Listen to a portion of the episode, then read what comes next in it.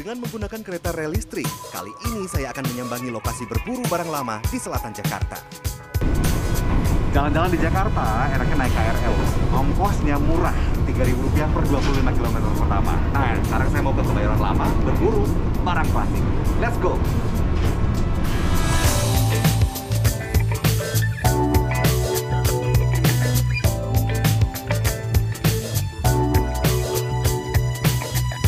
Tak jauh dari stasiun Kebayoran Lama ada Pasar Loak nih. Cocok buat Anda yang ingin jual beli barang bekas tapi harganya miring. Tuh,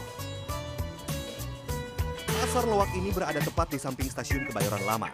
Di sini Anda dapat berburu beragam barang, mulai dari hiasan, uang lama, tas, hingga sepatu. udah lama nih jualan di sini? Alhamdulillah baru tiga tahun. Tiga tahunan. Ini kan jual di pinggir jalan seperti ini nih. Pernah dirazia petugas Cuman pembersihan. pembersihan. Iya pembersihan. Jadi itu ada waktunya atau gimana? Enggak itu kalau kadang-kadang ada mungkin ada yang lewat apa apa Kita tutup dulu, tutup dulu terus nanti buka lagi. buka lagi. Namanya juga cari nafkah ya. Iya. Pemkot Jakarta Selatan berencana menjadikan pasar ini sebagai destinasi wisata belanja dengan konsep flea market. Aneka barang vintage pun bisa ditemukan di sini. Lukisan, kamera tempo dulu, cangklong berlapis emas, hingga miniatur kapal pinisi berharga jutaan rupiah. Pasar ini pun berpotensi menjadi surga bagi para kolektor. Berburu barang lama tak selalu di pasar loak. Di halaman rumah seperti ini pun jadi. Jadi di Jalan Masjid Al Huda Kebayoran Lama ini ada tempat untuk berburu barang klasik. Orang yang pernah singgah ke sini bilang kalau tempat ini hidden gem karena tempatnya nyempil. Let's go.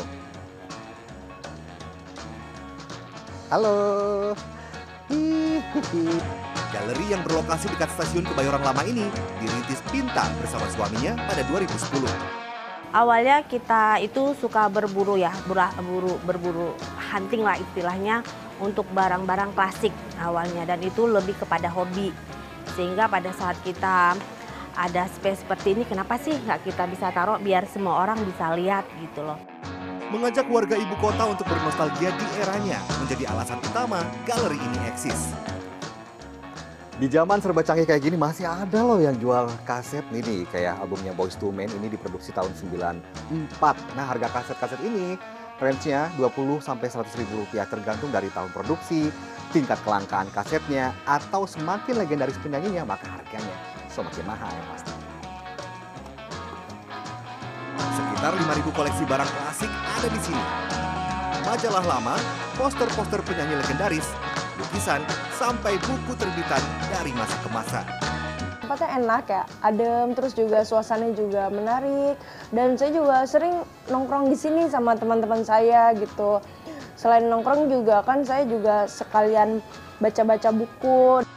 Buka setiap hari mulai pukul 11 siang, galeri ini juga memiliki tempat bagi Anda yang ingin merasakan sensasi berwisata kuliner dengan interior bergaya vintage. Ngopi atau ngemil cantik di tempat ini pas banget nih nongkrong untuk kawula muda di Jakarta. Saya banyak baca ulasan tentang tempat ini, ada yang bilang ini hidden gem, tempat nongkrong yang unik, galeri rasa perpustakaan. Tapi bagi saya nih, tempat ini pas banget untuk bernostalgia. Saya berasa dibawa ke era 90-an atau bahkan lebih lama lagi.